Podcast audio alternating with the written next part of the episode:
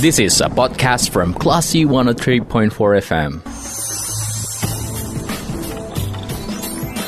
Special Talk Show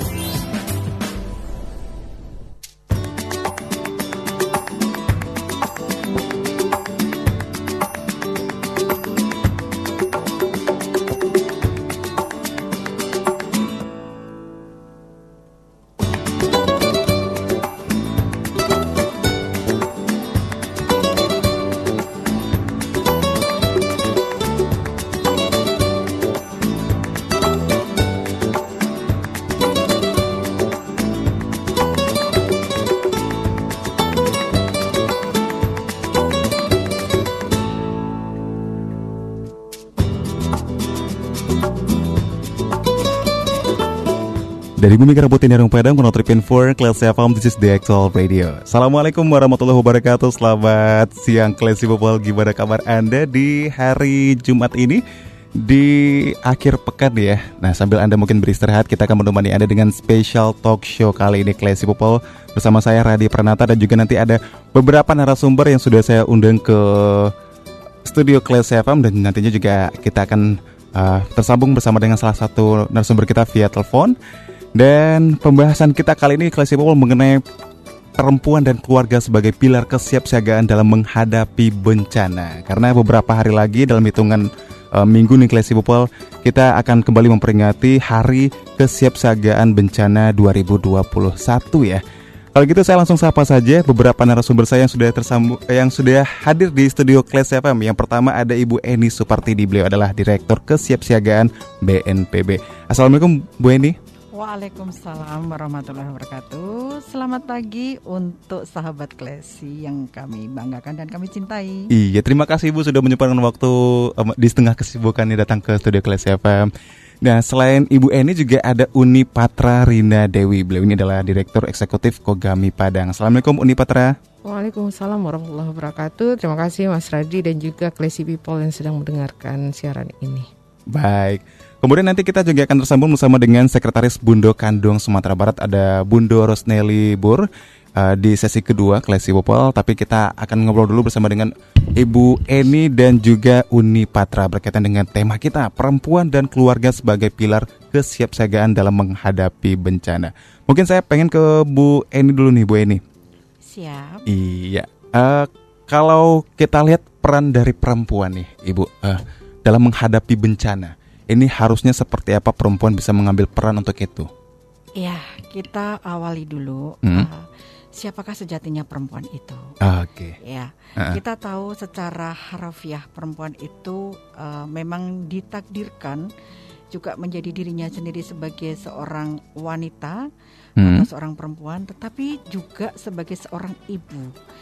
Nah, uh, banyak sekali hal-hal yang bisa diperankan karena uh, hmm. sekarang ini peran dan partisipasi perempuan banyak mendapatkan panggung dan kesempatan. Nah, pada kesempatan yang uh, baik ini kita hmm. berharap uh, dan memang sudah terbukti bahwa uh, perempuan ini mempunyai peran dan kiprah di dalam pengurangan hmm. risiko bencana, baik itu di keluarga, di masyarakat maupun di segmen-segmen lain dan hampir semua segmen di situ juga ada perempuannya dan di situlah uh, pesan-pesan kunci nantinya akan disampaikan hmm. oleh uh, para perempuan yang memang paham dan mengerti tentang pengurangan risiko bencana dan kami berharap hmm. uh, bisa menjadi agen perubahan juga. Gitu. Oke, nah berarti bisa dikatakan uh, Bu Edi perempuan dalam keluarga itu uh, bisa menjadi promotor untuk keluarganya tangguh bencana ya Ibu. Ya? Betul sekali. Iya.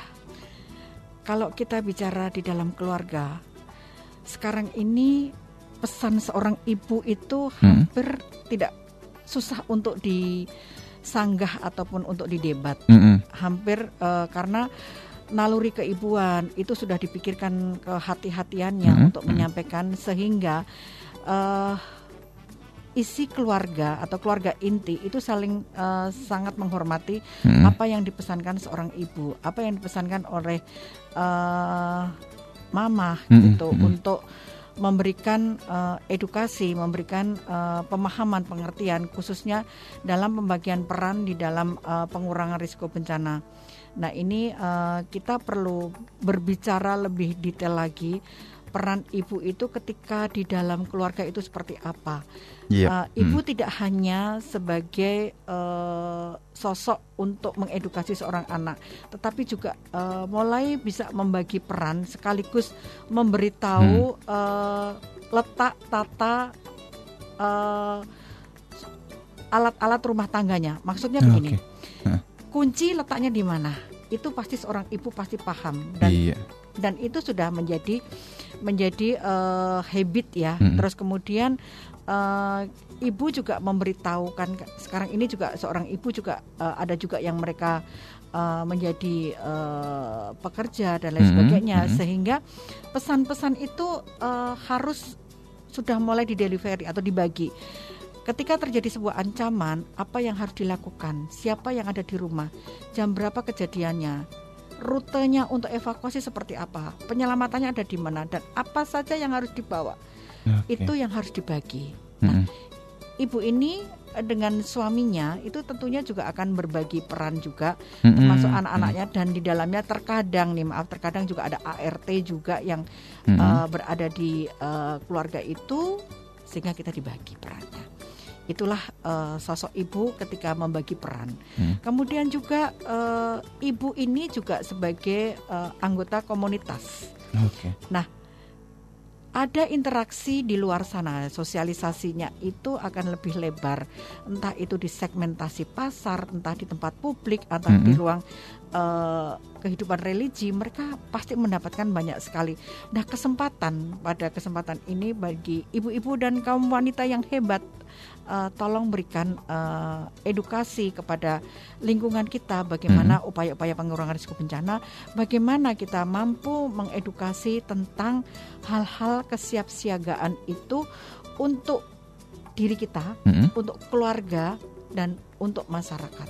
Dan kami yakin dengan adanya uh, sosial media yang begitu gencar memberitahu atau memberikan informasi tentang pengurangan risiko bencana atau kemudian mm-hmm. hal-hal mm -hmm. yang praktis atau tips-tips praktis untuk uh, melakukan evakuasi ataupun penyelamatan diri pasti banyak bisa diadop oleh kaum perempuan.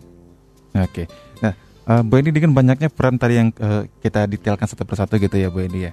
Berarti ini uh, sifatnya bagi perempuan itu menjadi promotor itu setelah mungkin dari si ayah atau sang suami juga uh, mengambil peran yang sama atau mendominasi bahkan uh, ibu? Uh, kita berharapnya seimbang ya. Oh, Tetapi okay. kalau uh seorang perempuan yang posisinya berada di rumah, dia lebih mendominasi karena dia juga harus uh, menyiapkan segala sesuatu yang seisi rumah tadi itu, hmm. juga yang ada di jalur evakuasinya menu, menuju ke sebuah titik.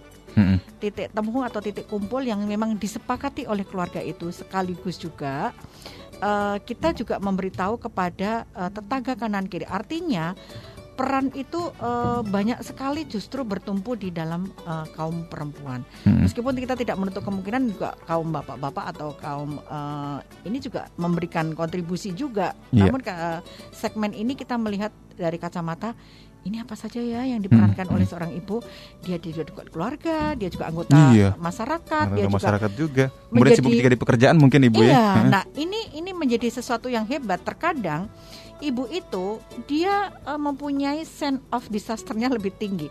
Ketika ciumannya uh, melihat ada aroma yang itu wah ini bukan aroma masakan tetapi aroma gas atau mungkin oh terjadi suara dentuman dia akan bisa melihat kepekaannya ini akan lebih lebih sensitif gitu mm -hmm. sehingga dia bisa mengatakan yuk kita evakuasi yuk kita lakukan pemadaman yuk kita hal-hal seperti ini yang kecil ini ini mm -hmm. uh, akan mudah ditemui oleh uh, kelompok perempuan yang memang sudah terbiasa uh, menemukan ancamannya.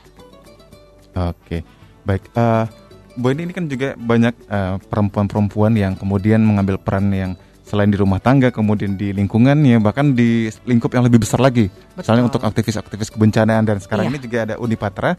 Beliau hmm. ini Klesi Popol uh, adalah Direktur Eksekutif Kogami Padang ya. Uh, saya pengen ke Undi Patra. Undi Patra, kalau yeah. untuk mengambil peran sebagai aktivis kebencanaan di Sumatera Barat bagi perempuan ini menurut Unipatra bagaimana statementnya? Oke, uh, sekarang kita beranjak kita bicara tentang aktivitas aktivis perempuan. Iya. Uh, Kalau aktivis itu pasti dilatar belakangi dulu dengan motivasi. Kenapa mau menjadi seorang aktivis? Hmm. Aktivis apa tujuan yang hendak dicapai? Dan di Sumatera Barat sendiri sebenarnya tidak apa uh, berimbang Mm-mm. keberadaan aktivitas aktivis perempuan dengan laki-laki. laki-laki. Oke. Uh, cuman ada segmentasi yang kadang memang Mhm. perempuan belum uh, terlalu uh, mendapatkan peran atau memainkan perannya. Mm. Maksudnya begini, kalau aktivis atau relawan perempuan yang turun secara teknis ke lapangan untuk Yep. mengedukasi atau mensosialisasikan pengurangan risiko bencana ke masyarakat itu bisa dilihat sekarang sudah mulai hampir sama banyak dengan laki-laki. Hmm, Oke, ini. Tapi uh, perempuan yang segmentasinya adalah di advokasi, Hmm. uh, bagaimanapun aktivitas pengurangan risiko bencana itu harus dipayungi oleh uh, payung hukum. Oh, uh-uh. Uh, dan itu yang masih sedikit Oke. uh, kelompok perempuan yang berada di segmentasi advokasi atau pemikir agar reg- regulasi yang belum ada diadakan atau regulasi yang sudah ada diimplementasikan itu yang masih terbatas jumlahnya. Tapi bukan berarti aktivitas pengurangan risiko bencana yang ada segmentasi perempuannya itu juga menjadi terbatas, tidak. Nah, sekarang bagaimana kita bisa mengelaborasi kapasitas perempuan yang ada ini untuk semakin berdaya? Karena selama ini perempuan kan di selalu dianalogikan kelompok rentan. Oh, oke ini. Memang Ah. secara kelompok perempuan termasuk kelompok rentan. Tapi kita sebagai perempuan eh, jangan sampai mengamini bahwa kita adalah kelompok rentan yang harus selalu ditolong. Karena seperti yang disampaikan oleh Bu Eni tadi ketika perempuan memainkan peranannya justru daya ledaknya itu lebih tinggi karena dari rumah tangga sudah ibu yang memainkan peranan Mm-mm. ya ibu menguasai rumah tangga, manajerial rumah tangga dengan baik Mm-mm. dan perempuan punya kepekaan yang lebih tinggi terhadap suatu ancaman dan mara bahaya. Dan sebenarnya ibu-ibu kita sudah mendidik kita untuk sadar bahaya ini dari kecil. Kalau kita keluar rumah pasti pesannya adalah "Ah, kalau nyebrang jalan hati-hati, Iya. lihat kiri kanan. Kalau ketemu orang asing jangan gampang percaya Nah. gitu. Pulang dari sekolah langsung pulang. Nanti kalau misalnya ada ngelewatin jembatan hati-hati. Itu sebenarnya sudah uh, ada didikan sadar bahaya. Hanya saja uh, kadang-kadang orang uh, belum punya daya tahan yang tinggi untuk sebuah aktivitas yang berlanjut. Mm-mm. Jadi ada rasa bosan. Eh, Kapan nih bencananya datang? Kok kita masih gini-gini aja? Siap lagi, siap lagi, gitu kan? Pengen dikasih tantangan gitu ya, Iya, dia. karena uh, ada hal menarik ketika kami mendampingi uh, sekelompok uh, perempuan pada Mhm. saat itu, uh, di saat ancaman tsunami megatrust memang lagi uh, marak-maraknya diberitakan. Mm-mm. Uh, pertanyaannya itu menggelitik gitu. Jadi Bu Patra, kapan sebenarnya tsunami ini datang? Aduh. Loh, kok ngarap datang Bu? Uh-uh. Iya, kalau gini kan nunggu-nunggu terus kita. Tapi kalau udah datang kan katanya nanti 100 tahun lagi datangnya. Jadi kita nggak nunggu lagi katanya gitu kan. Ada perasaan uh, hopeless yang harus kita tangani. Mm-mm. Nah, eh, yang punya kemampuan untuk mendukung psikososial di awal, eh, di awal-awal sebelum bencana terjadi juga eh, masih perlu ditingkatkan eh, kapasitasnya. Tapi secara general peran, peran perempuan dalam pengurangan risiko bencana itu sangat sangat eh, benar-benar dibutuhkan Mm-mm. karena guru juga di sekolah misalnya Yep. itu guru perempuan lebih mengajarkan dengan hati Mm-mm. Nah, bukan berarti yang laki-laki juga tidak mengajarkan dengan hati. Cuman peranan berbagi peran tadi kan bukan jumlah yang kita persoalkan. Tapi eh, bagaimana guru laki-laki kemudian memahami eh, kendala-kendala yang terjadi di anak perempuan Mm-mm. dan guru laki-laki bagaimana dia bisa melindungi siswa perempuan ketika saat eh, darurat terjadi. Jadi Mm-mm. Uh, ketika kita bicara tentang peran perempuan juga tidak bisa dilepaskan dari peran laki-laki. Laki-laki juga ya. Uh, misal saya sebagai aktivis perempuan, kalau tidak dapat izin dari suami, iya, uh, iya. tetap tidak bisa beraktivitas tetap ya, bisa beraktivitas uh. gitu. Uh, nah, baga uh, sementara negosiasi dengan keluarga itu sendiri sudah sebuah perjuangan. Mm -hmm. Jadi perempu aktivis perempuan yang mampu melalui itu sudah membina ketangguhannya sendiri. Iya. Karena kalau dia belum tangguh pasti dia tidak bisa mendapatkan iya. izin itu izin gitu lah. Izin itu yang utama terlebih dahulu. Ngapain di luar rumah lebih banyak dibandingkan di dalam rumah misalnya iya. karena yang namanya aktivis kan tidak punya jam kerja, yang dia punya adalah jam juang. Oke. Nah tadi kan Udi sempat bilang bahwasanya kalau untuk uh, jumlah aktivis perempuan itu cukup terbatas kalau di Sumatera Barat Udi ya. Kita nggak ada nggak mungkin uh, angka perbandingannya Udi atau kisarannya berapa? Uh, saya belum pernah melihat kajian secara apa resmi yang dipublikasikan mm-hmm. tentang itu. Tapi kalau kita kan punya forum pengurangan risiko bencana. Yeah. Uh-huh. Di forum pengurangan risiko bencana itu terdapatlah uh, anggotanya dari berbagai kalangan termasuk mm-hmm. dunia usaha, LSM, mm-hmm. pemerintah sendiri juga ada media mm-hmm. di situ kan yeah. akademisi itu jumlahnya memang masih kalau bisa dibilang 70 banding 30 gitu masih hmm, okay. masih masih sedikit memang kaum perempuannya. Baik. Uh, Uni Patra dan uh, Ibu ini kita break dulu. Kita akan okay. lanjutkan lagi kelas people obrolan kita kali ini uh, dengan narasumber ada Ibu Eni seperti ini ada Uni Patra dan juga nanti ada uh, Bundu Rosnelli yang akan uh, tersambung bersama kita via telepon. Untuk Anda yang ingin bertanya silakan bisa langsung kirimkan pertanyaan Anda via WhatsApp Class FM di 0812-660-1034. Kita akan kembali setelah commercial break berikut ini dulu. This is a podcast from Classy 103.4 FM. Special Talk Show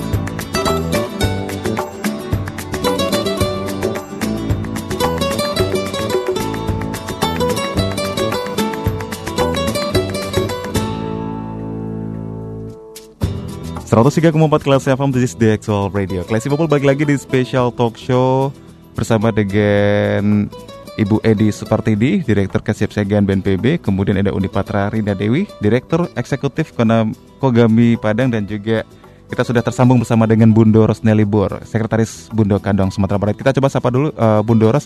Assalamualaikum Bundo. Waalaikumsalam warahmatullahi wabarakatuh. Kabarnya hari ini sehat Bundo? Alhamdulillah. Alhamdulillah. Salam ya, buat buat Eni, uh-huh. Ibu Patra.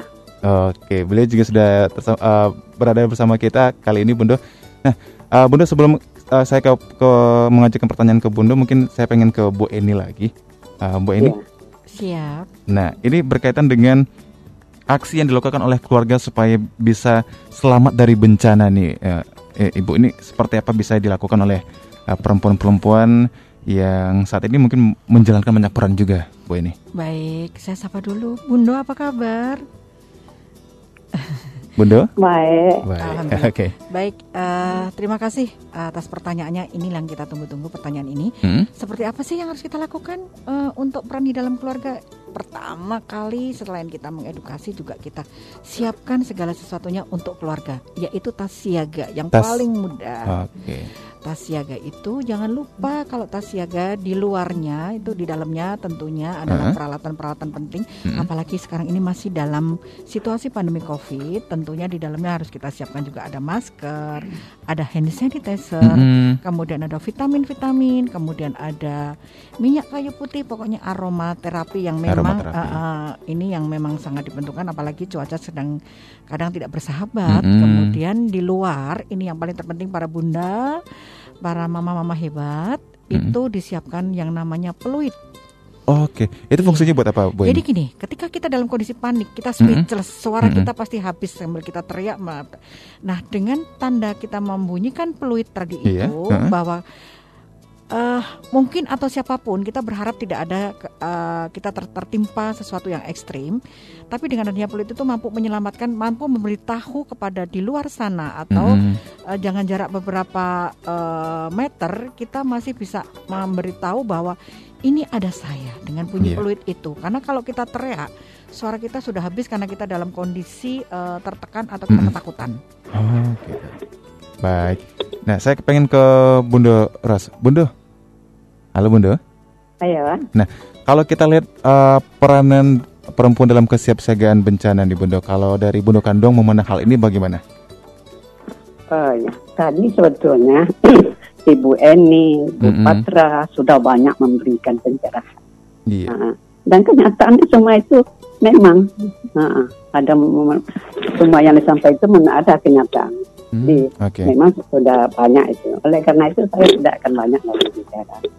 Uh, saya ingin menyampaikan mm-hmm. uh, di Minangkabau perempuan itu kan penerus keturunan. Iya benar. Mm-hmm. Nah, jadi karena dia penerus keturunan, dia tentu ingin menjaga keturunannya ini kuat, sehat, mm-hmm. selamat dunia dan akhirat. Okay. Dia bagaimanapun akan berusaha menyelamatkan anak-anak ketujuh keturunannya. Mm-hmm. Tadi Bu Ano, Bu Ali sudah memberikan cara-caranya yeah. uh, penyelamatan, uh. usaha yang akan dilakukan. Nah, itu bundokan doang uh, hmm. dengan anak-anaknya dalam keluarga dan anggota keluarganya itu akan diingatkan akan terhadap bencana-bencana yang akan terjadi. Seperti misalnya dia eh dia tidak ingin masa depan anak keturunnya lemah atau mm -hmm. uh, sakitan karena bencana atau kematian dia tidak menginginkan oleh karena itu dia akan berusaha bagaimanapun caranya dia akan tetap berusaha menyelamatkan anak cucunya sehingga generasi penerusnya akan kuat sehat dan selamat. Oke. Okay. Nah kalau uh, jadi hmm. uh, uh, untuk itu dia memberikan pendidikan terhadap anak. Bagaimana cara-cara supaya anaknya sehat, kuat, dan terhindar dari bencana. Misalnya saja dia sampaikan kalau berguru kepada alam, setelah Minangkabau mm -hmm. kan berguru kepada alam. Iya bunda. Uh -uh. Uh, gabak di hulu tandoka hujan, uh, mendung di hulu tandoka hujan. Nah, mm -hmm. Itu nanti akan akan terjadi hujan besar. Nah, harus hati-hati nih. Nanti mungkin bencana banjir akan terjadi. Mm -hmm. Oleh karena itu kita siap-siap. Hmm. Bagaimana kalau uh, barang-barang harus diselamatkan, kita harus selamat.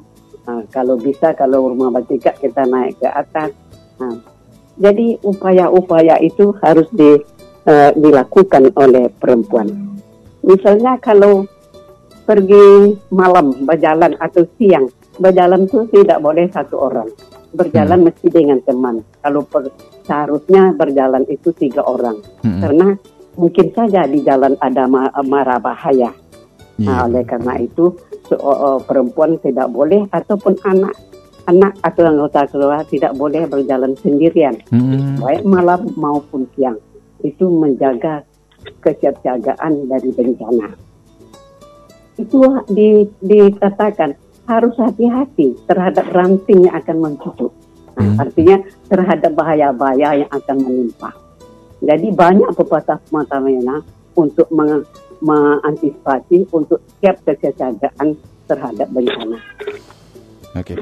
artinya Budo dari dulu pun uh, sebenarnya baik perempuan ataupun laki-laki di Minangkabau sudah uh, oh, aware sudah dengan ada. itu ya, ini ya, seperti ini ya. Uh. Sudah ada ajaran adat ini. Uh. Mendung di apa? Eh, kalau ke bahasa Minang kan gabak di hulu tanda hujan. Nah, iya. itu udah ada dari uh, hati-hati ranting akan mengkicau. Hati-hati berjalan jangan sendirian. Itu sudah antisipasi, sudah upaya untuk menghindarkan bencana-bencana yang akan terjadi. Nah, jadi harus, jadi anak-anak ini uh, keluarga diajar kritis, hmm. diajar peka terhadap situasi dan kondisi. Harus bisa belajar dari alam, okay. dari keadaan yang ada. Nah, itu antisipasi supaya jangan terjadi uh, ke uh, bencana, jangan menimpa bencana Kemudian masyarakat sudah kalau terjadi bencana, ayo ayo kita sama-sama, Mm-mm. ayo ke sinilah me- me- me- menghindar. Kalau kita sama-sama pergi itu masyarakat terjadi Mm-mm. bisa bisa di- di- dan itu biasa dilakukan oleh masyarakat. Ayo bersama-sama menghadapinya, Oke. ayo bersama-sama menyelamatkannya. Kemudian kalau terhadap relawan perempuan itu sangat bagus Hmm, perempuan oke, bisa baik. jadi relawan bagus. Karena perempuan di Minangkabau itu kemandir- kemandiriannya tinggi. Dia tidak per- tidak butuh banyak bantuan dari orang lain. Mm-mm. Dia tidak menggantungkan banyak pertolongan dan bantuan. Dia bisa dan kuat dalam menghadapi berbagai masalah karena kemandiriannya tinggi. Bila laki-laki tidak ada, perempuan akan maju untuk menghadapi segala suatu permasalahan. Oke, baik. Bunda, nanti kita akan lanjutkan lagi eh, beberapa pertanyaan yang ingin saya ajukan, eh, tapi saya pengen ke eh, pertanyaan yang sudah masuk di WA Klasi FM. Eh, saya bacakan dulu. Ini Ya. mungkin bisa dibantu dijawab oleh Bu ini atau mungkin Undi Patra. Eh, pertanyaan dari Putri di Kompleks Bumi Minang Bypass. Eh, Bu boleh nggak diadakan pelatihan ke komplek-komplek eh, ke ibu-ibu per RT atau per RW-nya secara rutin seperti dulu pernah dilakukan oleh Kelas FM di sekolah anak saya. Justru gara-gara itu uh, saya itu belajar mitigasi bencana dari anak saya karena sudah sudah dapat ilmunya di sekolah gitu. Dan waktu itu Kelas FM bekerja sama dengan Kogami. Nah mungkin Unipatra masih ingat kegiatannya Uh, dan yang bisa menjawab mungkin eh, Ibu ini silakan Ibu. Ya, ini eh, suatu bentuk keberhasilan literasi eh, pendidikan kebencanaan ya, Hmm. yang eh, anak justru menjadi agen perubahan di dalam keluarga. Ini ini, Iya, ini bentuknya, ah. Aduh, luar biasa ini menurut saya. Eh, tidak sia-sia kita apa eh, selalu memberikan dukungan Hmm. di sekolah-sekolah untuk melakukan eh, pertama kali adalah edukasi, sosialisasi. Sekaligus juga mereka tentunya adalah latihan simulasi untuk evakuasi mandiri. Nah, eh, sahabat Klesi, kita jangan khawatir karena di lingkungan kita juga untuk Sumatera Barat ini sudah hebat ya.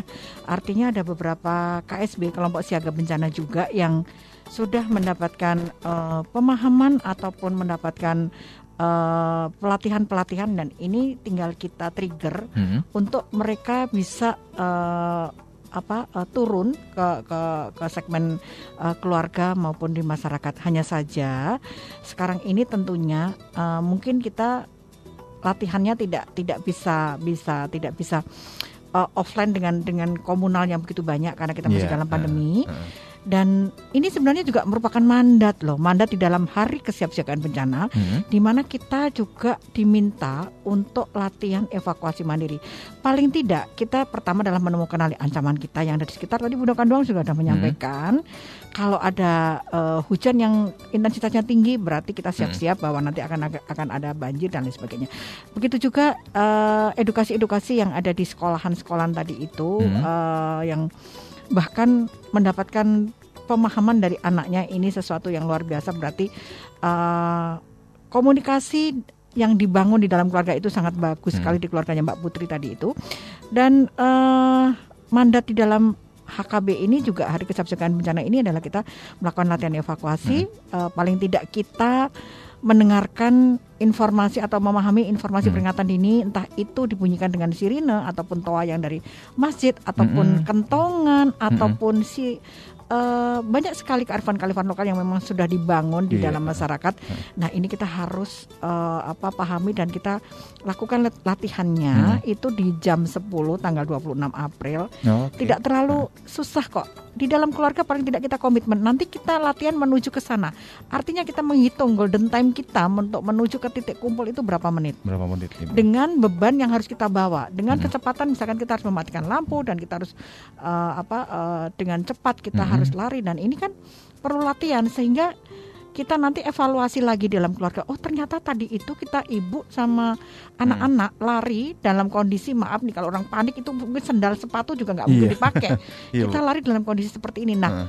pertanyaannya jalur yang akan kita lewati jalur evakuasi tadi itu aman tidak banyak batu atau Mm-mm. banyak beling atau kaca-kaca yang serpihan itu yang nantinya kita nggak tahu apa kejadiannya itu malam Hmm. atau atau sore ini kan uh, sangat membahayakan. Nah, dengan adanya latihan itu kita otomatis uh, bisa memprepare ada satu perubahan habit di dalam hmm. kehidupan kita untuk menjadi lebih siaga lagi. Oke, tapi Bu ini kegiatan-kegiatan seperti ini kalau di masa pandemi bagaimana Bu? Artinya kan ini uh, kita agak dibatasi dengan kerumunan. Iya, betul sekali. Untuk kita mungkin ini.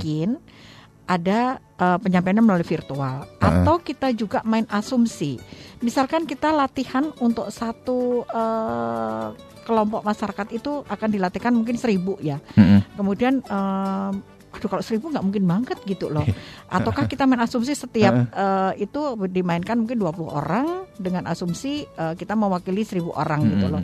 Dengan uh, memilih segmen-segmen uh, masyarakatnya uh, apakah di situ ada uh, kelompok hamil, mm-hmm. uh, kelompok disabilitas, uh, kelompok uh, lansia dan lain sebagainya. Mm-hmm. Paling tidak kita mampu mengukur, paling tidak kita tahu suaranya seperti apa sih informasi peringatan dininya bahwa kita harus segera uh, menyelamatkan diri, mm -hmm. harus lari dan lain sebagainya. Di mana sih jalur titik kumpulnya? Apakah kita mampu melihat dengan cermat, ataukah warnanya masih cerah hijau yep. atau apa? Dan bagaimana dengan keluarga yang maaf sekali karena tidak bisa mempunyai uh, kebutuhan atau atau keterbatasan uh, misalkan dia uh, tuli berarti hmm. kan di dalam keluarga itu harus menyiapkan lampu kedip ya kita pastikan dengan bahasa isyarat yeah. Iya, kalau kalian mendengar uh, melihat lampu kedip entah itu warnanya merah berarti uh, kalian harus segera lari jalurnya artinya kan ini anggota keluarga yang memang um, berkebutuhan khusus juga harus dilatihkan hmm, juga. Iya, Bu, ya. Karena kalau yang normal meskipun dia disabilitas tapi pendengarannya itu berarti kan dia uh, tahu untuk lari itu bagaimana dengan yang keterbatasan tadi itu. Jadi tidak hanya sirine mungkin juga tanda-tanda klip-klipnya itu hmm. lampu tadi itu. Cuman kita juga me, apa uh, apakah dengan baterai atau dengan uh, listrik itu nanti dari, dari kesepakatan keluarga itu karena kalau dalam kondisi gempa itu pasti udah broken ya yeah. Iya, uh, paling tidak dengan adanya kita menem menom me, menekan tombol itu sekarang ini kan banyak sekali ya tidak harus uh, menggunakan baterai atau apa hmm. sudah banyak hal mungkin dengan uh, ke kecanggihan ini mereka tahu kok ada ada beberapa latihan-latihan uh, untuk kelompok tuli yang memang uh, sendiri dan hmm. dan ini memang kesempatan kita juga memberitahu kepada masyarakat bagaimana dengan kelompok ini. Yeah. Okay. Apakah ada titik kumpulnya yang itu ada lampunya. Jadi mereka kan nggak mendengar, hmm. dia hanya bisa melihat. Nah, lampu-lampu yang ditempatkan di dalam uh, titik kumpul itu akan membantu uh, gitu ya, membantu ya, sekali uh, mereka yeah, untuk uh, berlari atau menyelamatkan uh. diri ke tempat yang aman begitu. Nah, kalau kita membahas mengenai edukasi, Bu ini kalau di kondisi seperti sekarang ini sudah setahun lebih pandemi gitu ya, Bu ya. Karena yeah. kan iya ada juga banyak kegiatan-kegiatan yang mulai dibolehkan dalam tanda kutip mungkin ibu iya. kayak mungkin pesta pernikahan dan segala macamnya. Nah kalau untuk edukasi seperti ini kalau dilakukan tingkat RT misalnya artinya dengan cakupan yang cukup kecil itu memungkinkankah atau bagaimana? Memungkinkan, memungkinkan dengan tetap uh, menerapkan protokol kesehatan. Saya juga uh, akan di nanti di uh, puncaknya akan ditempatkan di Kabupaten Cilacap. Kita hmm. juga akan ada latihan kurang lebih ada di tujuh uh, desa yep. dan ada kurang lebih 50 titik. Hmm. Nah itu kita sudah siapkan segala satunya dan tentunya uh, kita juga memberikan uh, apa uh, bags bags yang di dalamnya juga hmm. uh, untuk protokol kesehatannya. Artinya kita siapkan hand sanitizernya, kemudian kita oh, pokoknya kita lengkap yeah. lah gitu loh. Okay. Jangan sampai uh. ini menjadi klaster baru begitu. Iya. Tapi kita tetap kita, kita selamat, iya. tapi kan kita juga uh. tetap harus mendukung program pemerintah untuk bagaimana mengurangi kerentanan dari COVID ini. Iya. Oke okay deh. Uh, itu jawaban dari pertanyaan eh, Ibu Nura di Tabi, uh, Ibu Putri ya di Komplek Bumi Minang Bypass. Kemudian ada pernyataan kesiapan Ibu dari Ibu Nura di Tabing. Uh, perempuan di komplek saya siap untuk belajar bersama dengan Kogami dan BNPB karena komplek rumah saya itu adalah zona merah gitu Bu. Jadi oh, mungkin yeah. nanti kalau di zona-zona merah seperti ini, uh, saya pengen ke Uni Patra deh. Kalau di zona-zona merah ini di, di uh, Sumber ataupun di Padang khususnya, mungkin Uni Patra ini pelatihan-pelatihan seperti itu ataupun edukasi seperti itu sudah sering dilakukan ya? Uh, iya sejak uh, komunitas siaga tsunami atau Kogami didirikan tahun 2005 pasca tsunami Aceh itu uh? sudah rutin dilakukan okay. sebenarnya di uh. setiap sekolah. Cuman kan pada saat itu kita masih masih struggle nih dengan uh, regulasi atau payung hukum karena hmm. ternyata di negara kita harus kita akui untuk membangun kesadaran sendiri itu masih sangat sulit kalau tidak ada paksaan dari payung Mm-mm. hukumnya. Mm-mm. Sehingga ketika kita edukasi ke sekolah itu pertanyaannya langsung nggak ada payung hukum yang mewajibkan kami untuk Iya. ini. Akhirnya kami berjuang sampai Hah? ke tingkat nasional dengan teman-teman konsorsium pendidikan eh, bencana Mm-mm. atau eh, sekretariat nasional penanggulangan bencana Seknas eh, PB untuk eh, satuan pendidikan aman bencana dan sekarang sudah keluar Permendikbud nomor eh, 33 tahun Hmm. 2019 tentang penyelenggaraan satuan pendidikan aman bencana. Oke. Jadi nggak ada lagi alasan untuk Hmm. tidak sadar bencana. Nah, nah sudah bisa dilakukan secara kontinu termasuk tadi yang disampaikan Bu Eni, kita juga sudah sampai ke sekolah sekolah luar biasa. Mm, mm, Ah, s- yang kalau di sekolah luar biasa perlakuannya lebih khusus lagi. Yang kita latih itu adalah guru karena guru yang memahami siswanya. Iya. Ah. Dan eh, kemudian juga di keluarga keluarga-keluarga sebenarnya kita juga juga sudah melakukan, tapi Hmm. tidak eh, datang ke keluarganya. Kelompok siaga bencana KSB yang sekarang sudah mulai menyasar Mm-mm. eh, per masing-masing keluarga. Kalau di Kota Padang namanya itu keluarga cerdas bencana. Tapi Kugami melalui majelis taklim, Mm-mm. Oh, kemudian kader PKK itu kan Mm. perempuan semua. Iya perempuan semua ya. Uni. Itu kita juga sudah melakukan edukasi bahwa yang terpenting itu selain yang disampaikan Bu ini menyiapkan tas siaga bencana, kemudian mengenali eh, daerah eh, eh, rumah kita sendiri. Hmm. Yang paling penting itu juga adalah ketika kita menyusun rencana evakuasi keluarga, tidak peduli kita berada di zona merah, tsunami atau di zona hijau, Mm-mm. semuanya harus punya rencana evakuasi keluarga. Karena Oke. apa? Tidak akan selamanya seperti Mas Radi kan sekarang di Klesi FM, Iya. zona keluarga, hijau, Iya, zona hijau. zona hijau tsunami. Iya, kalau keluarga mungkin di- lagi di zona merah sekarang ini. Ah, keluarga lagi zona merah. Heeh. Atau sesekali kepengen ke pantai Mm-mm. untuk wisata. Di zona merah juga. Akhirnya kita harus membuat rencana evakuasi keluarga itu per masing-masing keluarga. Kalau seandainya eh, edukasi yang biasa dilakukan oleh komunitas siaga tsunami adalah sejak dahulu Mm. eh, dengan eh, merujuk pada kajian para ahli. Jadi Mhm. kita nggak pernah bikin sendiri edukasi tanpa ada kajian ilmiahnya Heeh.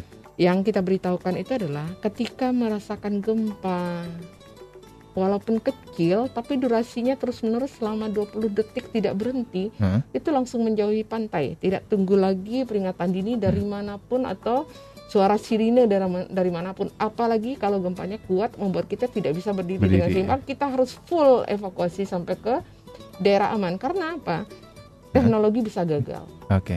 Eh, te- ya teknologi bisa teknologi bisa gagal. Heeh. Ah, kalau kita menunggu sirine misalnya, ada kegagalan untuk penyampaian perintah evakuasi melalui, sirine. Nah itu berapa korban jiwa yang akan jatuh ketika menunggu itu? Padahal eh, satu langkah orang dewasa adalah 0,8 meter.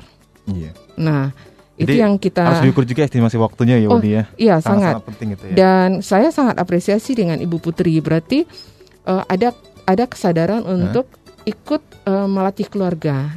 Dan besar harapan kami tidak hanya ikut eh, ikut dilatih, Mm-mm. tapi besar harapan kami adalah eh, warga Sumatera Barat menawarkan diri untuk menjadi fasilitator atau tenaga Iya. edukator. Mm. Eh, latihlah kami, kami siap menjadi tenaga edukator untuk masyarakat lainnya. Itu yang kami tunggu sebenarnya. Dan kami Oke. siap juga untuk itu, siap untuk dihubungi dan siap untuk insya Allah membersamai semangat daripada kaum perempuan ibu. ini. ya. Iya. Oke, baik. Itu dia kelas Popal. Anda bisa langsung mungkin kalau seandainya memang merasa ini sangat penting apalagi di tengah masa pandemi, apalagi nanti banyak informasi-informasi yang Anda dapatkan di media sosial, Anda mungkin bisa langsung uh, berkomunikasi dengan uh, Kogami misalnya ya. Baik, kita akan break lagi Bu ini uh, Uni Patra dan juga Bunda Ros yang masih tersambung sama kita via telepon. Kita akan lanjutkan di sesi ketiga setelah commercial break berikut ini dulu. This is a podcast from Classy 103.4 FM. Special Talk Show.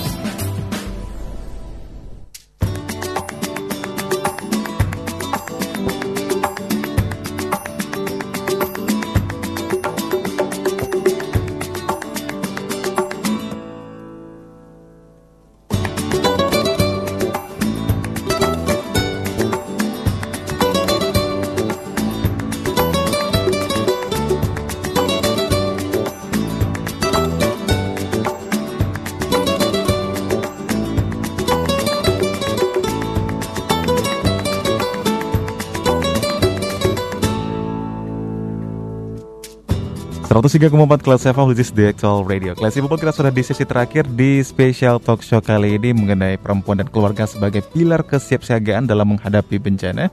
Masih bersama dengan Ibu Eni seperti ini Kemudian uh, Uni Patra Rina Dewi dan juga Bundo Rosnelli yang masih tersambung bersama kita via telepon.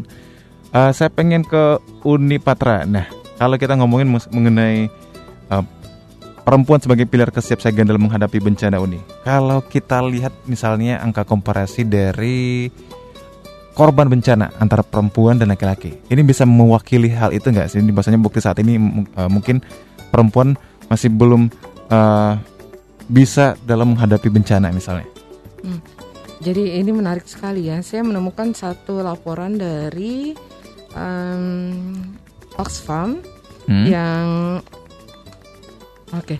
Saya menemukan sebuah laporan dari Oxfam uh, pasca tsunami Aceh uh, tentang the tsunami's impact on women, di mana uh, korban jiwa pada saat itu 220 ribu jiwa, hmm. 75 sampai 80 persennya adalah perempuan dengan berbagai uh, temuan mereka sendiri. Okay. Dan ini juga terkait dengan kultur, misalnya uh, ya di Aceh atau beberapa negara hmm. yang uh, beberapa daerah yang membuat uh, perempuan tidak boleh meninggalkan rumah tanpa seizin suami misalnya. Oh, nah itu, itu juga memiliki juga pengaruh ya. Mempengaruhi, jadi memiliki pengaruh sehingga perempuan uh, takut untuk mengambil keputusan evakuasi. Itu yang mereka hmm. temukan. Kemudian juga ada ternyata di Sri Lanka itu pada saat kejadian itu perempuannya sedang um, mandi di laut sebagai kebiasaan uh-uh. dan ada juga ada juga di daerah India itu ketika nelayan pulang dari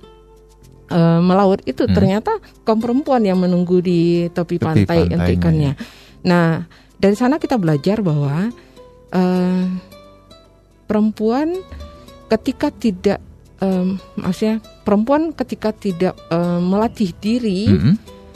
untuk berdaya itu akan tetap menjadi kelompok rentan yang uh, menjadi jumlah yang terbesar setiap mm -hmm. kali uh, bencana terjadi. terjadi. Tapi kita tidak boleh putus asa.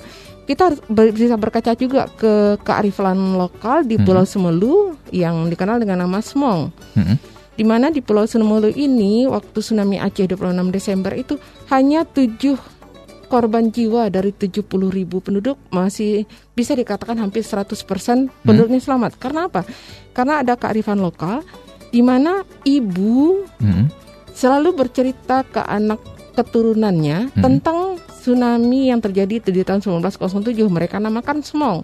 Smong. Jadi okay. uh, intinya begini, anak-anakku jika kalian merasakan gempa yang kuat hmm. dan lama, segera lari ke bukit bawa semua perlengkapan yang kalian butuh untuk bertahan. Itulah intinya. Hmm. Dan ketika mereka merasakan getaran itu, mereka akan teriak dari satu penjuru ke penjuru lain, semang, semang, semang sambil evakuasi. Hmm.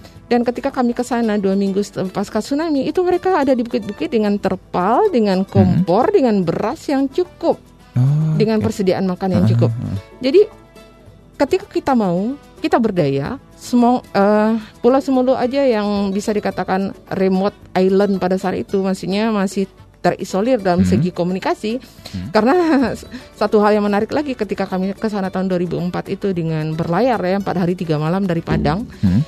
itu satu-satunya yang punya HP baru bupati oh, tapi ternyata kearifan lokal yang diteruskan turun temurun oleh sang ibu hmm. kepada anak keturunannya termasuk cucu-cucunya itu bisa menyelamatkan banyak jiwa.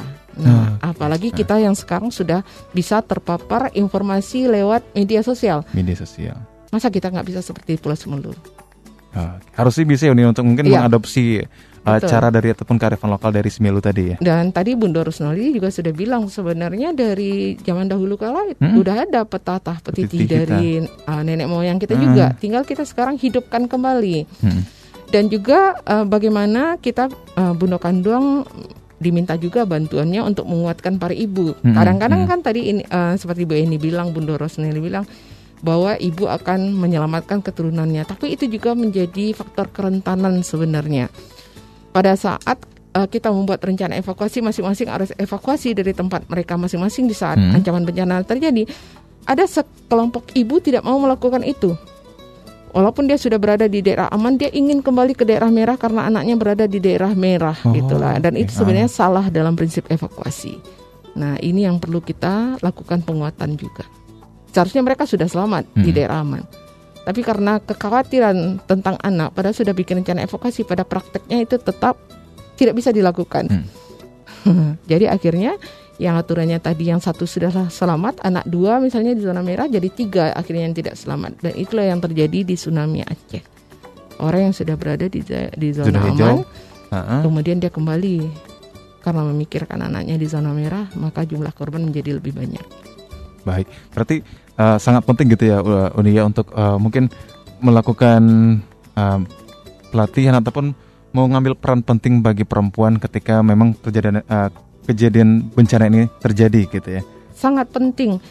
Eh, dari hasil penelitian juga setelah gempa Great Hanshin di Jepang Hmm. itu Jepang meneliti 35% korban selamat itu maksudnya survivor Hmm? itu adalah orang yang rajin melatih dirinya sendiri dan keluarga. Jadi hanya kita yang melatih diri kita yang bisa menyelamatkan diri pada saat kejadian bencana kita tidak bisa bergantung dengan siapa pun. Hmm. Maka buatlah diri kita berdaya. Kita perempuan itu berdaya. Yap. Walaupun dikelompokkan di kelompok rentan, tapi perempuan itu ketika uh, su- sudah sampai pada saat suatu keadaan darurat, unlimited powernya keluar. Hal yang tidak biasa dilakukan biasa dia lakukan. Yang tadinya Iya. memanjat uh, pagar 2 meter Nggak tidak bisa, bisa. ya. Pada saat dia harus menyelamatkan keluarganya itu bisa dilakukan. Tapi kenapa kita harus menunggu waktu darurat? Yap. Kita harus mulai dari sekarang bukan Mulai dari pada saat ya, darurat ya. terjadi itu sudah terlambat. Baik. Nah, Bu ini kalau untuk peran keluarga tadi uh, sudah disinggung juga tadi ada beberapa keluarga bahkan yang yang menjadi inisiator untuk memberikan edukasi itu adalah anak misalnya. Dan tentu ibu harus mengambil peran juga di sini. Nah, kalau untuk pembagian perannya bagaimana Bu ini supaya ini bisa menjadi semacam hal yang uh, menjadi habit bagi keluarga terutama di Sumatera Barat, uh, Ibu. Aduh, ini baik sekali nih. Eh, artinya kita kembali lagi bahwa literasi eh, bencana itu tidak harus dari eh, kaum eh, tua atau dewasa. Tetapi ternyata ada segmentasi eh, anak-anak ini justru dengan kepolosannya dia mampu bercerita, mampu justru membuat suatu rancangan dan pemahaman kepada anggota keluarganya. Nah ini yang kita minta gitu loh. Eh, tentunya setelah kita dapat informasi akan kita kelola, kita buat manajemen baru lagi. Seperti apa konsep yang akan dibangun? Tadi Unipatra sudah menyampaikan eh, seorang ibu bukan artinya kita tega untuk untuk eh, tidak menolong anak, tetapi memang kita sudah berbagi peran dan kami yakin ketika kita segmen-segmen yang wilayah yang memang itu rentan, itu pasti sudah ada eh, tim penolong yang nantinya juga akan melakukan untuk mengevakuasi. Daripada kita lari ke sana tanpa kita tahu eh, ancaman berikutnya itu seperti apa. Bukannya kita bisa mampu sampai kepada segmen menolong anak, tetapi justru malah eh, kita yang justru akan eh, tertimpa bencana atau ancaman tadi itu. Jadi Oke. sekali lagi Hah? eh, dengan eh, putra-putri kita nan- eh, yang sudah teredukasi lebih awal Hah? itu akan menjadi eh, aset kita untuk di dalam eh, pengelolaan resiko bencana. Oke baik Bu ini eh, kemudian Uni Patra ini kan kita sudah hampir satu jam kayaknya untuk pembahasan seperti ini kurang satu jam nih Ibu ini dan juga eh, Bundo kita eh, minta closing statement juga sekaligus harapannya mengenai eh, bagaimana peran dari perempuan dan juga keluarga sebagai pilar kesiapsiagaan dalam menghadapi bencana. Saya pengen ke Bundo Rosnelli dulu. Bundo? Halo, ya. Ah, Oke, Bunda silakan. Bunda bagaimana uh, mungkin uh, hal yang akan dilakukan oleh Bunda Kandang Sumatera Barat uh, untuk bisa terus untuk memberikan uh, edukasi juga ataupun pemahaman kepada perempuan di Sumatera Barat mengenai kesiapsiagaan dalam menghadapi bencana ini sekaligus juga harapannya Bunda. Ya, Eh, kita berharap kepada bundo-bundo dalam keluarga pun dalam masyarakat, eh, kita tak harus dapat mendidik, menempa anak-anak kita, keluarga kita, kuat mentalnya. Karena Barat sudah sering terjadi bencana. Mm-mm, mm-mm. Jadi bagaimana harus memperkuat mental dari seluruh anggota keluarga. Jangan kalau terjadi bencana jangan panik. Iya. Kalau dengan panik tidak apa tidak bisa apa yang akan Hmm. dilakukan. Harus lebih kuat. Jadi ah, terjadi gempa, ah, kita di mana? Iya. Kita harus pergi kah? Atau kita ke mana? Hmm. atau apa yang harus kita lakukan. Jadi dengan berpikir dengan kuat mental kita harus bisa berpikir dengan baik. Jadi jangan cepat panik. Oke. Kemudian harus ada kebersamaan dalam keluarga. Mm-mm. Artinya kalau terjadi gempa ah, harus bagaimana kita harus bersama pergi atau bagaimana kita menyelamatkan.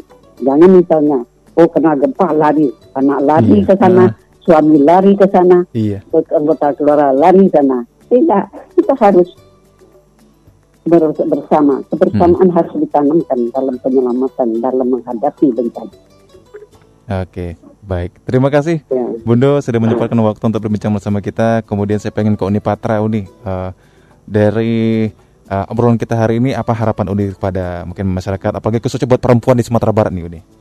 Iya, untuk semua perempuan Sumatera Barat yang memang sudah dikenal hebat dari dulunya, Mm-mm. karena memang uh, kita berdasarkan garis keturunan itu matrilineal ya, Yep. jadi perempuan itu uh, sedikit masih lebih diistimewakan dibandingkan mungkin daerah-daerah lain. Jadi Iya. kita sebenarnya beruntung. Mm-mm. Kita harus mengambil segmen itu bahwa ketika kita diistimewakan, maka kita harus menempatkan diri kita istimewa juga. Mm. Kalau kita istimewa berarti kita harus menjadikan diri kita bermanfaat bagi orang lain, tidak Hmm. bermanfaat untuk diri sendiri. Untuk bisa bermanfaat bagi orang lain, maka latihlah diri kita sendiri, ikhtiar yang maksimal untuk keluarga juga, tapi yang lebih pentingnya jadi jugalah edukator untuk orang-orang di sekeliling kita. Jadi em, Allah itu memang sudah punya takdirnya Hmm. sendiri tapi kita diwajibkan untuk berikhtiar. Mm-mm. Nah, ikhtiar terbesar kita adalah membaca alam karena surat pertama yang dikiri, yang diturunkan Allah juga itu adalah Iqra. Iqra itu adalah perintah membaca yang tersirat dan yang tersurat. Yep.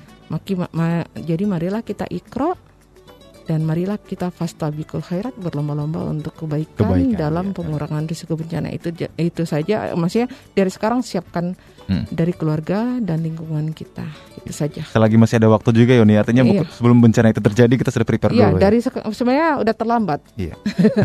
tapi tidak ada kata terlambat karena Iya. bencananya belum terjadi. Iya, siap. Ah, bencana di Sumatera Barat kan tidak hanya gempa dan tsunami. Iya, nah, sekarang lain.